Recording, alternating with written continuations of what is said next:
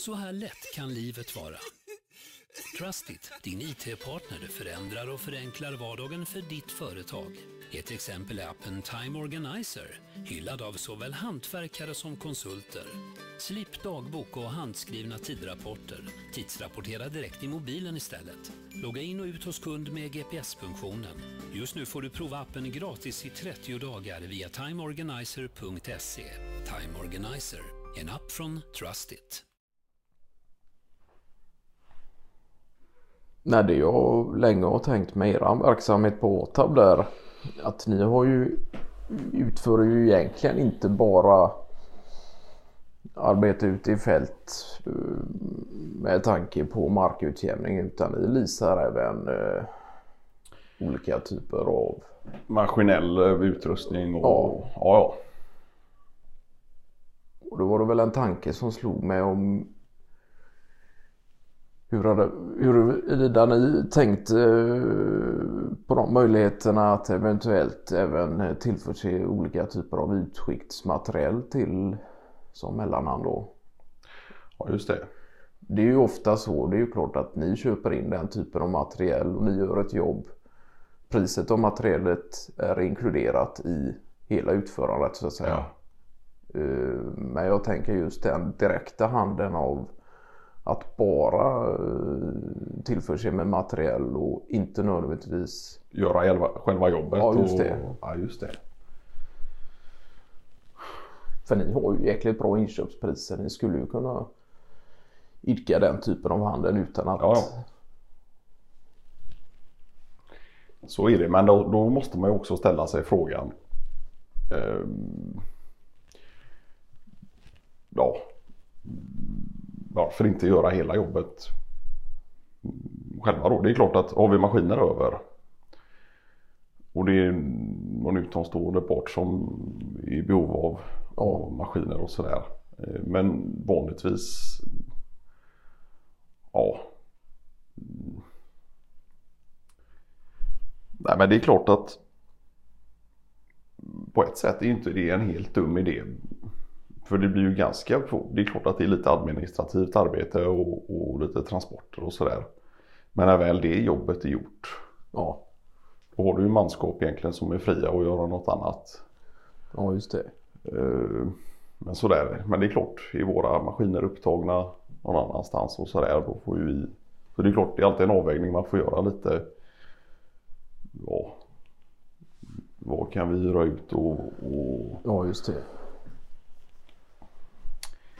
Ja, ja, men du tänker att man mer skulle göra det som något typ av paket.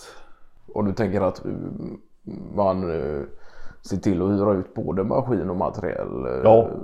Ja, just det. Eller att man bara är någon förhandel just med utskick. Ja, och... Eller hyr ut maskinerna och, och säljer, säljer. Ja, just det materialet där.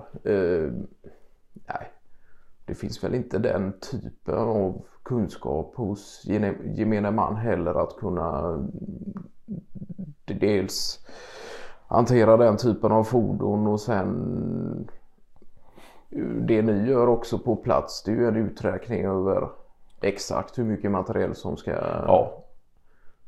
Så det är ju mycket som tillkommer i det arbetet såklart. Eh, så det är ju kanske inte så på det viset. Nej men och det är ju det jag menar lite på det sättet att det är ju där Det är ju där man får ställa sig frågan om vi ska göra allt detta förarbete med exakt hur mycket material som kommer gå åt Eh, och vilka maskiner som behöver användas och mer eller mindre hur jobbet ska göras. Då kan vi ju i princip vara där själva och även utföra själva jobbet då. Ja, just det.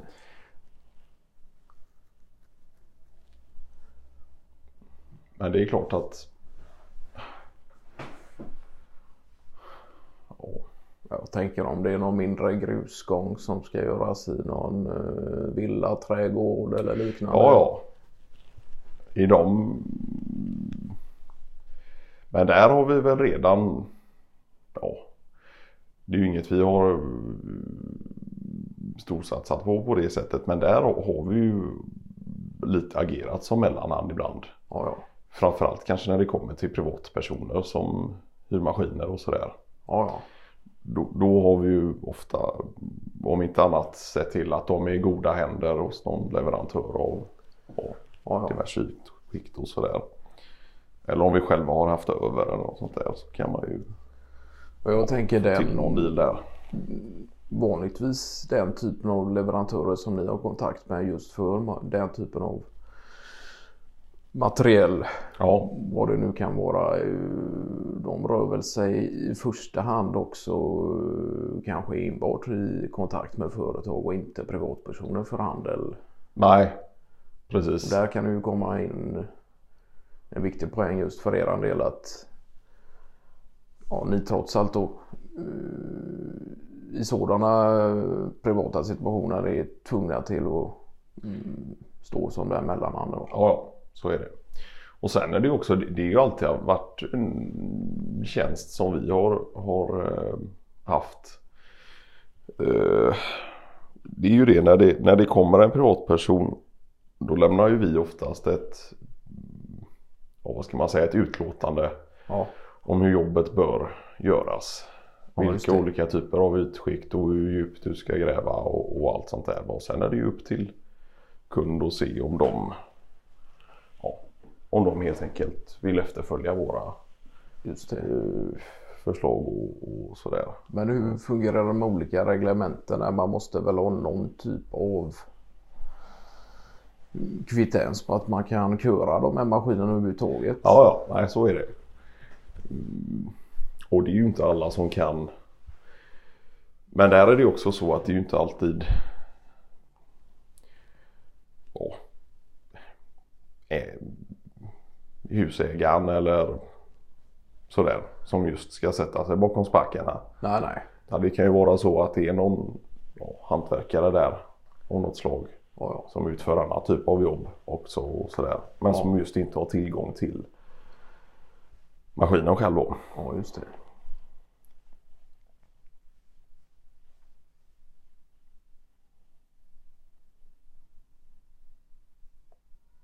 Men i regel ser ni själva till att tillhandahålla egentligen eh, mat- materiell maskin och eh, arbete i ett då. Ja. Och sen kan man ju få som sagt våra ja, råd och, och sådär. Om man nu vill göra till större delen av arbetet själv. Ja, just det. Då får man en lista och utifrån vår bedömning gör så här och så här och så här och så här. Ja, Och så är det si och så många år beständighet på det då. Som någon typ av garanti. Men då ska du ju få följa de ja, ja. punkten också då.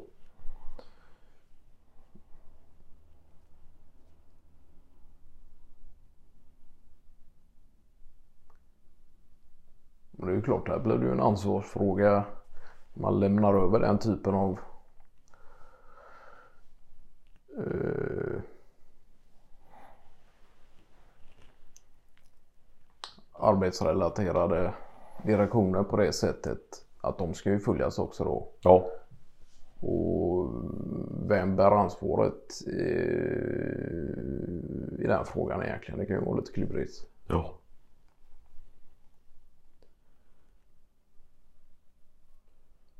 Jag menar de kan ju inte eh, gå väga till hur som helst och sen säga att det var på rekommendation från ATAB. Nej, nej.